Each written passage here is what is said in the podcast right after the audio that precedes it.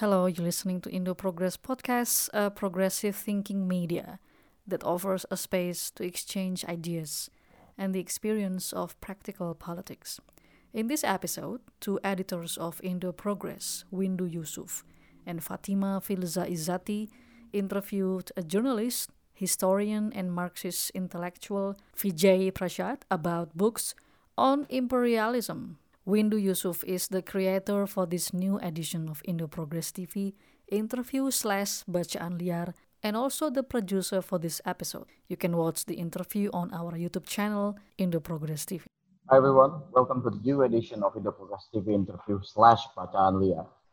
I'm Windu Yusuf, and for tonight's talk, I'll be joined by my fellow editor Filza. So we are very happy to have special guest tonight, that is journalist and historian Vijay Prashad, the director of Tricontinental and the chief editor of LeftWord Books, will share his reading list on imperialism. Okay, uh, Vijay Prashad, uh, thank you for having us. And we're going to talk for some minutes about uh, books on imperialism. Um, it's for the section of the Indo Progress, it's called Bacaan uh, Wild Readings. Uh, Okay. Yeah, w- wild readings or wild books uh, that stem from uh, it was actually a colonial colonial term for radical subversive left-wing um, books produced by um, independent activists or anti-colonial activists back then in the 20s. Uh, but the term uh, was appropriated. so As as all terms should be appropriated uh, all like yeah, uh, the term because we are not because we are not embarrassed of that term. yeah. I mean, that's the uh, thing, yeah, you know, that's good. Yeah, oh, okay. They think they are embarrassing us by by saying you know this you ruffians or whatever hooligans, and you know when I was younger, sometimes people say, oh, you know, you sometimes behave like a hooligan, and in Lenin, Vladimir Lenin. Um, when he was confronted with his great colleague Mayakovsky, the terrific poet. Mayakovsky was a phenomenal poet. Mayakovsky was so important in Russia because he tried to create a new language. So Lenin was, some people said to him, you know, Mayakovsky, he is, you know, uh, he's just a, uh, you know, he's a hooligan. I mean, he's not. And Lenin said "Mm, he is, a, he's a communist hooligan. Uh, he- he's, he's, he's, he's our hooligan. He's important. Uh, he's shaping culture, and that's important. So yeah, good. Take the term back. Sorry, I interrupted you. Yeah. So uh, we start with this question. Uh, we would like to know how imperialism becomes a central theme in your works. Uh, so uh, you can tell us a bit about your intellectual journey. Sure. Um, well, you know, there's always an intellectual journey and there's a political journey. And these journeys for people like us are intertwined. Um, it's not possible to separate these. You know, It's not that I was a young kid, I, I saw Lenin's imperialism, read it, and I was convinced. It's never like that. You know, uh, you, you never read a book and then it just, you know, interrupts your way of thinking. It has to be a combination of your political, personal experiences and your intellectual journey. They have to collide in some way. Look, I grew up in Calcutta, in West Bengal, and I was born in 1967, 20 years after India was made into an independent country. Um, in my very youth, small, when I was quite small, um, India uh, fought a war against Pakistan, the only war India really fought on the Eastern Front. That is to say, in ag- where the where the front line was in East Pakistan, and this was the war in 1971 that uh, produced Bangladesh. Um, this was the so-called Bangladesh War. An enormous number of refugees came into our city and so on. But even as a little boy, I recall quite vividly, perhaps is an early experience of mine, the worry that the US 7th Fleet was sailing up past the Andaman Islands towards Calcutta to bomb our city to prevent India from um, continuing prosecuting the war against Pakistan. And that me- memory was there, you know, of these American ships coming because in our windows we had to put black paper uh, we had a blackout just in case the Americans came and, and so on. I, I don't know exactly why we had to put the blackout because it's not like it's not like they had a difficulty finding out where the city was, frankly. Uh, but still, you know, it's an old World War II thing that uh, you assume that planes flying over your city look for light below and not that they have very sophisticated radar equipment and maps. So they don't need the light. But anyway, um, I remember this practice as a child. We need to put black chart paper on our windows and close the curtains and that kind of thing. It has an impact on you. You know, it's not it's not trivial. Um, but actually, much more than that. Uh, I was very much radicalized by the U.S. war on Vietnam. Um, you see, I was again a young child, but Calcutta was an important place. Um, the U.S. uh, consulate and British consulate are on the same road, and in my childhood, the at one point we had a a coalition government of the left um, that uh, was in power in my state, and the government decided to rename the street Ho Chi Minh Sarani, which means Ho Chi Minh Road. So the U.S. consulate and the British consulate were on Ho Chi Minh Road, and it's still there. It's still on Ho Chi Minh Road, and even though we've had other governments come, and all through my life, this was a talisman of you know how we stood up against the uh, this terrible, terrible crime, crime against humanity conducted by the United States against mm. the people of, of, of Vietnam. You know, at the time, I didn't know anything about Indonesia um, I was born in 1967. The events of 1965 were opaque to me. That comes much later, those stories. But initially, the story that one got was, of course, Vietnam. And then, you know, thereafter, um, I got very involved with my friends around Cuba and around Israel. So I would say there were three parts of the world I got interested in. 1982, again, I was fairly young. I saw on the front page of my mainstream, you know, corporate newspaper that was there in Calcutta, a photograph of something that had happened in Beirut, Lebanon in 1982. And that hit me very hard, the pictures. And one of the first articles I wrote for a student newspaper was about the events of Sabra and Shatila. Um, uh-huh. When the Israelis had um, had uh, basically taken Beirut, um, they allowed the Phalange fascist militants to go inside the camp, Palestinian camp, and execute the Palestinians. This really impacted me a lot. And the United States backed the Israelis and so on. So I, my initial entry into imperialism was the politics of imperialism, not the economics. It was hmm. basically the simple fact that there was a country in the world or a group of countries let's be fair. I mean, I, I, it wasn't all about the United States. There was a group of countries that was behaving with great violence in the world to get their way.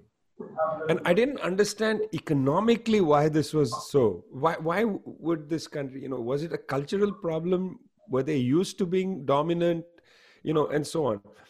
Uh, but I, I don't think it was, there was no real explanation in my head from, you know, my early period of why they were doing this, but I knew it was wrong. So Vietnam, I knew was wrong. Mm. I knew that um, what they were doing to Cuba was wrong, um, and that there was a lot of of um, of you know pro-Cuba solidarity in India at this time. Uh, Castro came to India. He was greeted at the airport by Indira Gandhi. Uh, and so on and then the third was the question of the palestinians was very much you know I, I focused on that quite early and i have to say it was it was the mainstream coverage of the assault on Sabra and Shatila. You know, in those days, I want to put it like this for young people in those days, the mainstream press covered these issues. You know, they covered a massacre in Beirut, they covered the terrible violence in, in Vietnam conducted by the US government, they covered the suffocation of, of, of Cuba. Today, there's almost no coverage anymore of what's happening in Afghanistan, a continuing war. You know, there's almost no coverage. I mean, I don't know if young people even know there's a continuing war in Afghanistan. Uh, and I mean, I don't mean, you know, young people who are aware of everything. I mean, a young person like myself who was just, you know, who wanted to find out the scores of cricket matches and, you know, but who came across a photograph and it moved them. I don't think today the mainstream or the corporate media covers what's happening in to Venezuela or Cuba even today. You know, I don't think the corporate media covered what properly covered what happened to the people of Western Sahara, um, to the people of, you know, I'll give you an example, just a quick, and I, I know I'm going on and on, but a quick thing. The other day, I was talking to a few months ago to somebody in Papua New Guinea, which is near you. And he was telling me about the mining companies in Papua New Guinea. And then he was himself a mining leader. And he was telling me about how his brother was buried alive by the, the private security of the mining companies. They threw him in a pit and buried him, and he died. Um, and this is the repression the miners face in Papua New Guinea. Anyway, but he then he told me, he said, yeah, um, the island the Papua Island is the second largest um, rainforest in the world after the Amazon. And I said, What? I didn't know that. And he said, Yes. And he said the violence in against the by the mining companies is extreme. And I said, I have not read about this anywhere. So how are you interested get interested in imperialism? Well, it's through those events but also i want to say it used to be a time when the corporate media covered some of this stuff because some of those editors had integrity today the editors have i don't know i don't want to give any motives to the editors but they just don't cover these events you know? Yeah but it was political. It wasn't i didn't ask the question why are they doing this? I just remember being a- angered by the fact of what was happening. So, Rosa? Yeah, um, I read your works. Uh, for example, the Red Star over the Third World, um, and you mentioned about it also um, in your book. I'm, I'm curious uh, what do you think about um, the debate on imperialism, uh, such as from uh, Harvey and also the latest one. Um, we read um, Intan Suwandi's work on um, the new economic imperialism. I want to know uh, what you think about the current debates on imperialism and uh, uh, what what kind of what is called yeah that that's the first question first so that's a very good question because now it's going to force me to say why were these countries doing these things? You know, I, I started by saying I was upset by this war in Vietnam. Why was the United States persecuting, prosecuting this war in Vietnam? You know, what was the need? Uh, underneath that is a theory, um, you know, and and I think it's important to to put the theory forward. Well, um, you see, what is imperialism? imperialism is a fairly simple process. Um, some countries in the world, and I'm going to give it to you in a very simple way and then make it a little more complicated, twice complicated. Um, some countries in the world, um, through their immense military power, seek to have extra economic advantages in the world. So, if two people are trading with each other, then I say to you, look, I have, you know, um, I, I have a uh, whatever uh, a pencil, you know, that I want to barter with you, and you say, well, fine, I have a this, you know, whatever this is called, this zip drive or whatever, and it'll take 20 pencils or 100 pencils to exchange the two. We come up with through social convention and history, we come up with a formula to exchange them, right? So much of one commodity exchanges for so much of another over the course of the last 200 years, as capitalism has developed, um, certain countries, France, Britain, but after Portugal, Spain, and so on, have come in and they've shaped the world in such a way to advantage them decisively. So that what appears to be merely an economic exchange of equals is actually already constructed in an unequal way. So, for instance, in India, the British arrive in you know the 1600s but 1757 they conquer india. They govern india for almost 200 years from 1757 to 1947 when the british leave india the literacy rate is 13% 13% okay? Um, when they come to india the area of bangladesh what is now bangladesh was one of the richest places in the world it was the center of textile production not raw material production textile production um, the British destroyed, deindustrialized the textile industry. Now, what they did was they deflated incomes. So they held back social development and they deflated incomes. This income deflation is the key part of imperialism. What it means is that in parts of the world like India and Indonesia, by the way, also Indonesia, you create an idea that the Indonesian or Indian people can survive on so much money. So that basic wage rates, even if you look at purchasing power parity, especially if you look at it, wage rates are much lower in India than they are in Germany. Germany wage rates are higher. Standard of living is higher, what is known as a standard of living. Purchasing power parity is not comparable at all. So Indian worker gets just about enough money to have just about not even sufficient nutrition because hunger rates are endemic. They get just a little enough to get some shelter, and that also is a struggle because four or five of them will have to stay together in a in a little place, boarding house for industrial workers. Uh, they are like ship workers, you know, they share beds and so on. Uh, they get no health coverage, so they are often sick, um, and so on this income deflation in our parts of the world allows commodities produced in our parts of the world to have an artificially suppressed low prices. And this then enables corporations to make a huge killing. So imperialism is not just, um, you know, monopoly capitals fighting each other and then going abroad to secure markets and resources. Imperialism also is wage deflation. This is an important point made by Prabhat and Utsa Patnaik in their long work on imperialism. They, they make the argument about in, in about income deflation. You see, what, what's happened is Harvey Harvey misses all this. Harvey takes a look at it at too macro perspective. Harvey looks at things like where is foreign direct investment flowing? Now, just because foreign direct investment enters Indonesia doesn't mean Indonesia is now a core country in the world system. Yeah. Foreign direct investment comes into Indonesia for all kinds of reasons, maybe to create some infrastructure. So that subcontracting, Intan's book is a very good book because she looks at these printers, printing companies, I think the two companies, yeah. and she yes, sees how basically they are um, integrated into the global commodity chain. But the key part of the that kind of study is income deflation, deflation because the workers in those factories are paid nothing.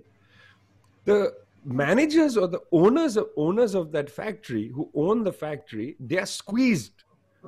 But it's not a double squeeze. You see they are squeezing the workers. Let's be fair. They are not heroes but they are being squeezed by the commodity chain. Because if they don't supply products for low price then you go to malaysia then you go to vietnam then you go to somewhere you know etc etc so there is a race to the bottom. The race to the bottom impacts the workers not even managers have stress. I understand. And in a book, she captures the stress of the managers. A very good study because she interviews these managers at length. She finds that the stress that they experience. And of course, they can go out of business tomorrow. So it's real stress. It's, it's not like, oh, I'm stressed. I can't buy a Lamborghini. It's not that kind of stress. They are not fabulously wealthy. You know, they are middle class up people as well. But the real stress is faced by the workers um, and the workers' families because often what we find, and I'm sure this is similar in Indonesia, that an industrial worker is a peasant who works in a factory. And often their families subsidize them. So I'm an industrial worker working in the outskirts of Delhi.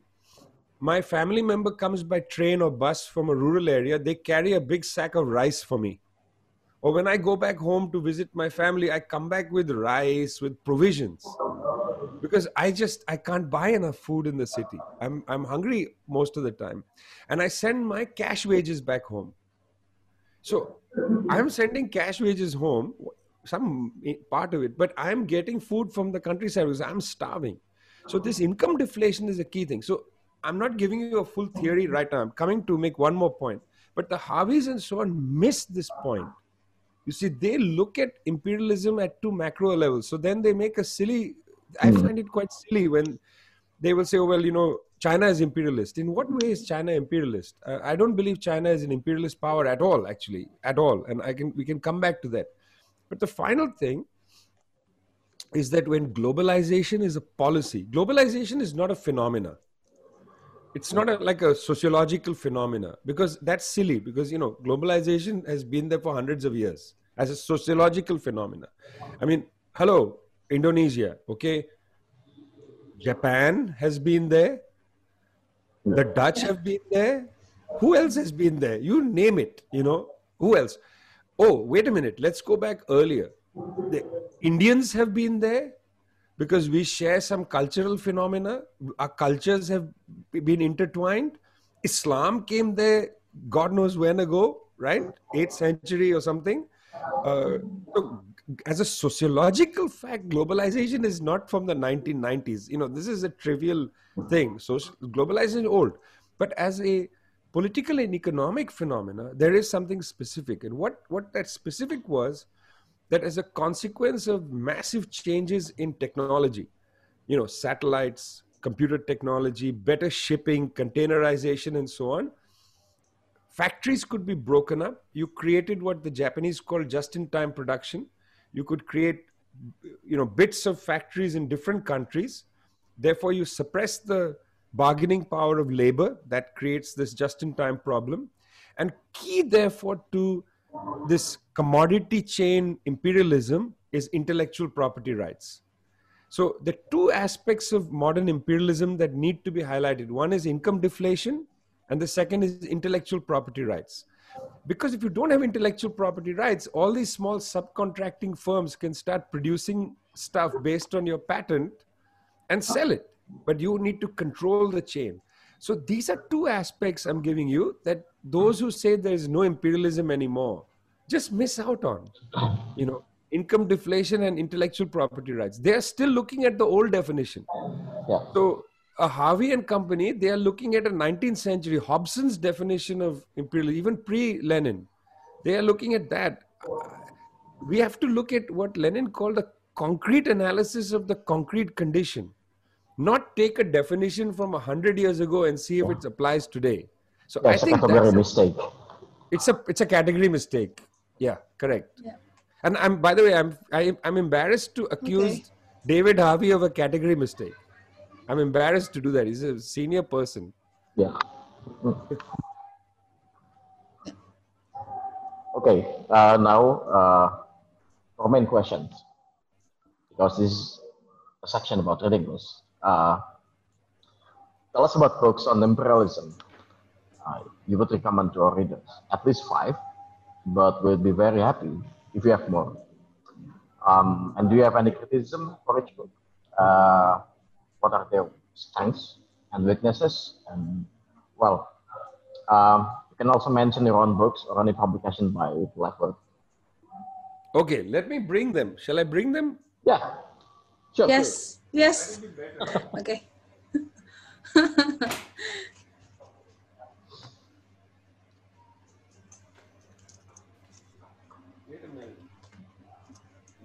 yeah.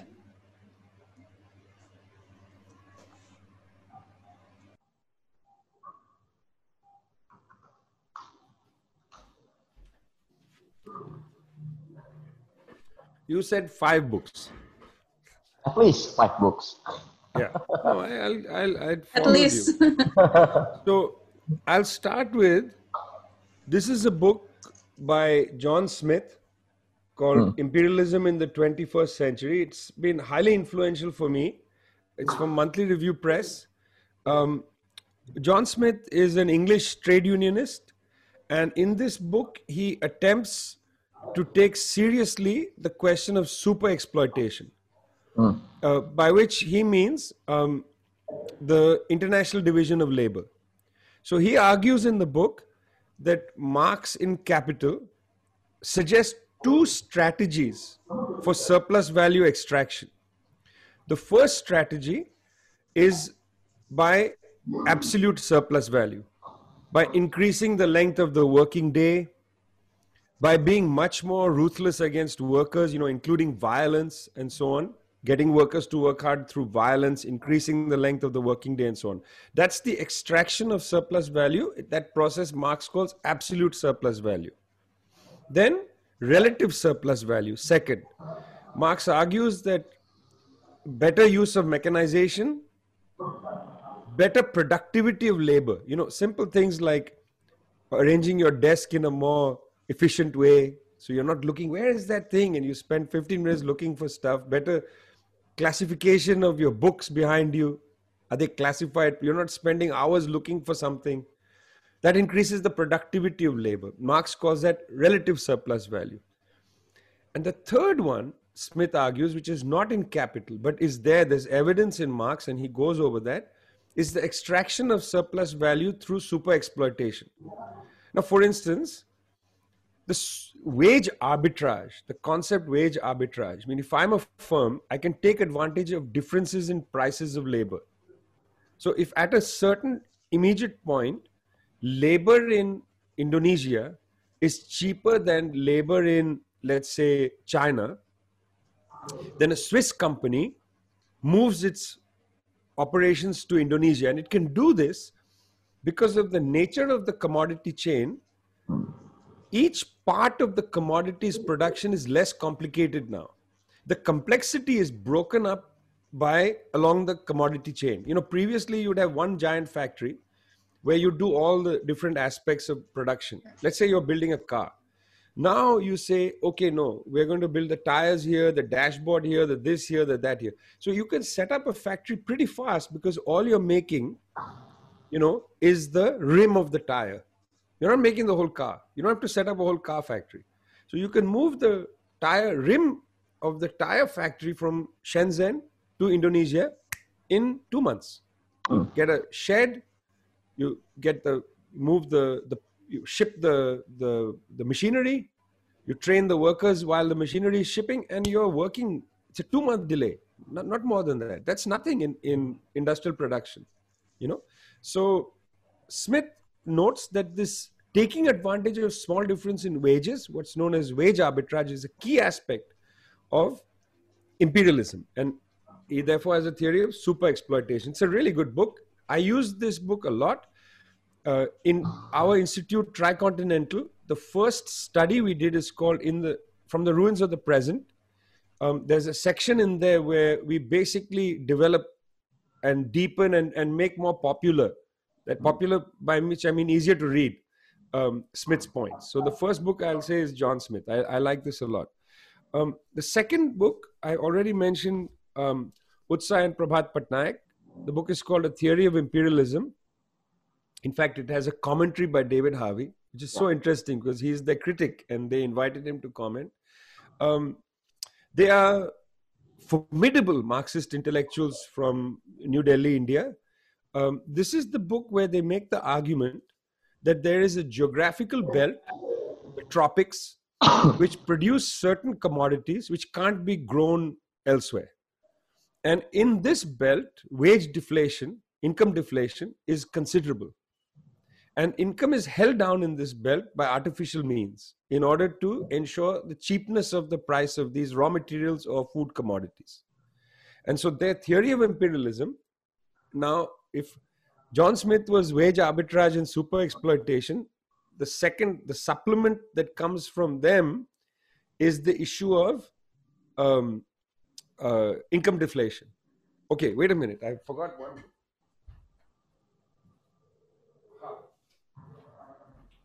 okay sorry i've got to talk about this book then so remember i said contemporary imperialism we need the concepts wage arbitrage from hmm. smith we need the concepts income deflation from the patnaiks and the tropical zone uh, 2013 i wrote this book called the poorer nations in ah. which i make the argument that um, i make the argument that uh, intellectual property is a key instrument of 21st century imperialism. That if we don't understand the role of intellectual property rights, we don't get it. And in fact, the emergence of China is because China, after the 78 reform, very cleverly signed contracts which called for science and technology transfer. None of our countries did that. Indonesia said, please come and set up your factory, take advantage wage arbitrage, take advantage income deflation. And you can maintain the intellectual property rights. We don't want anything. You just come and just give us a little fdi and hire some of our people but you know you're basically taking advantage of them but they didn't say transfer science train our people transfer technology show us how it works no nothing the chinese after 78 reform, that's what they said. That's the key to the advance of China. Is they said, okay, you can come here, income deflation, but our workers are healthy because of the Mao reforms. You can come here, you know, you can take advantage of, um, you know, the wage arbitrage. It's cheaper here, all that. But give us the science, give us the technology. Today, China in so many areas, robotics, telecommunications, green energy, way ahead of the West, two generations ahead. Telecommunications, Chinese companies, Huawei, ZTE, two generations ahead of the West. Okay, so intellectual property. That's my th- argument in this book. It, this book is actually written in as a implicit critique of David Harvey's book on neoliberalism, because Harvey argues neoliberalism begins as a New York City and British, you know, Thatcher, Reagan, and so on. It's like as if it's to solve the municipal and then fiscal crisis in the West. I don't agree with that. I believe that neoliberalism is emerges out of the way to control the South, to maintain income deflation, to maintain um, wage arbitrage advantages. And then intellectual property is the third instrument. So that's this is 2013. Okay, that's three. Then the fourth book is done from LeftWord. It's by my colleague Emiliano Lopez. It's an edited collection. It's called The Veins of the South Are Still Open. It's debates around the imperialism of our time. And I highly recommend this for Indonesian readers. Um, Emiliano Lopez works for Tricontinental. He's from Buenos Aires, Argentina. And this collection actually brings all these themes together because it has an opening essay from Utsa and Prabhat Patnaik called Imperialism in the Era of Globalization. It has John Smith, Exploitation and Super Exploitation in the Theory of Imperialism. It has our one of our chief economists at Tricontinental. He's a Turkish economist, Ahmet Tonak, on moribund competitive capitalism. Atilio Boron and Gabriel Merino from Argentina write about geopolitics. So this summarizes from our perspective, because we are more on the Smith Patnaik view on imperialism than on the Harvey view. So this summarizes, and the title is a play on Eduardo Galeano's book. Yeah. The veins of the South are open, and he says the veins are still open. So that's the fourth book. Um, the fifth book, I, I don't, I'm not recommending this book, but I'm recommending books about finance capital. This is by Cedric Durand and it's called fictitious capital. Now, I actually don't believe in the term financialization. I don't think that it's, I think it's inaccurate to, to, to think about some a phenomena called financialization because I think capitalism always has financialization in it. Hmm. Financialization isn't a new phase because what happens is as people start talking about financialization, they omit the fact that there are still hundreds of millions of people working to produce surplus value. And they omit the fact that wage deflation, income deflation, tropical zones, and wage arbitrage, intellectual, they omit this entire intellectual architecture of, of 21st century imperialism. They just look at finance, and once again, the workers disappear. And somehow people believe that finance creates surplus value. It doesn't. Finance simply rearranges surplus value. Surplus value is only created in the labor process, in the production process. I'm very conventional Marxist on that. I don't believe that, you know, in in finance you move money around and you make surplus value. You move money around, you make money.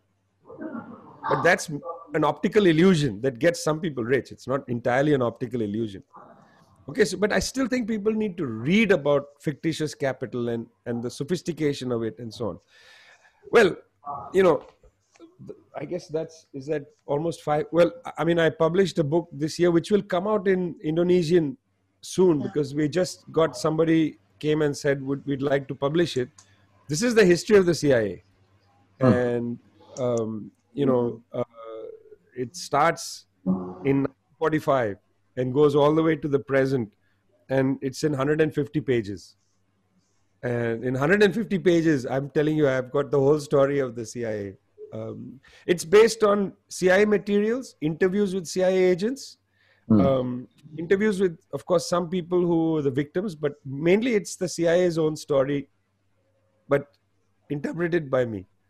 And it has a lot of poetry, songs, and so on. And it, it I refer to things that are not remembered, like the CIA or the US military intervention into Thailand. Um, you know, when uh, there was a big protest wave in Bangkok, the US military intervenes. We don't have a popular. Hmm? In the 70s? In the 60s. Oh, yeah. Um, I mean, yeah.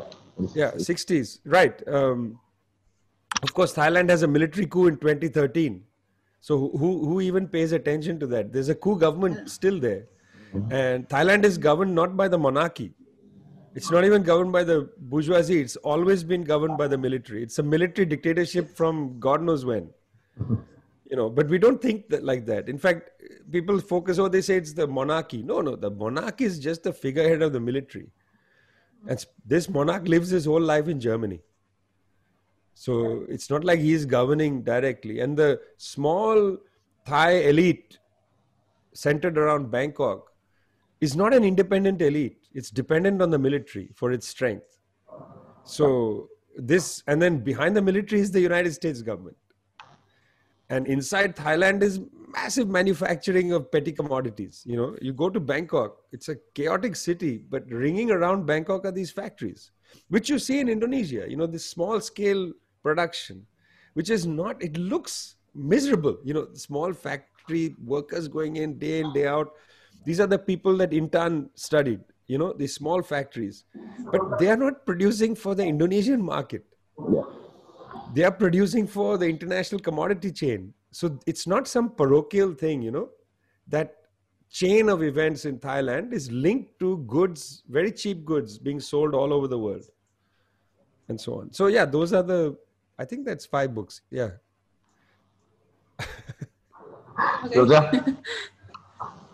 yeah. Um, actually, it's like at, at least five books, but it's okay, five books.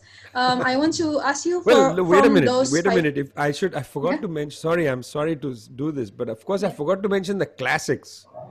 You know, there's Lenin's imperialism and and so on. I forgot oh, the classics, but I don't want to concentrate on the classics because I think it's important to see who is developing the theory forward. You know, Samir Amin, uh, my guru Samir Amin, and so on. I, I didn't. I wanted to just talk about contemporary things. Okay, sorry, sorry, I interrupted you. Yeah.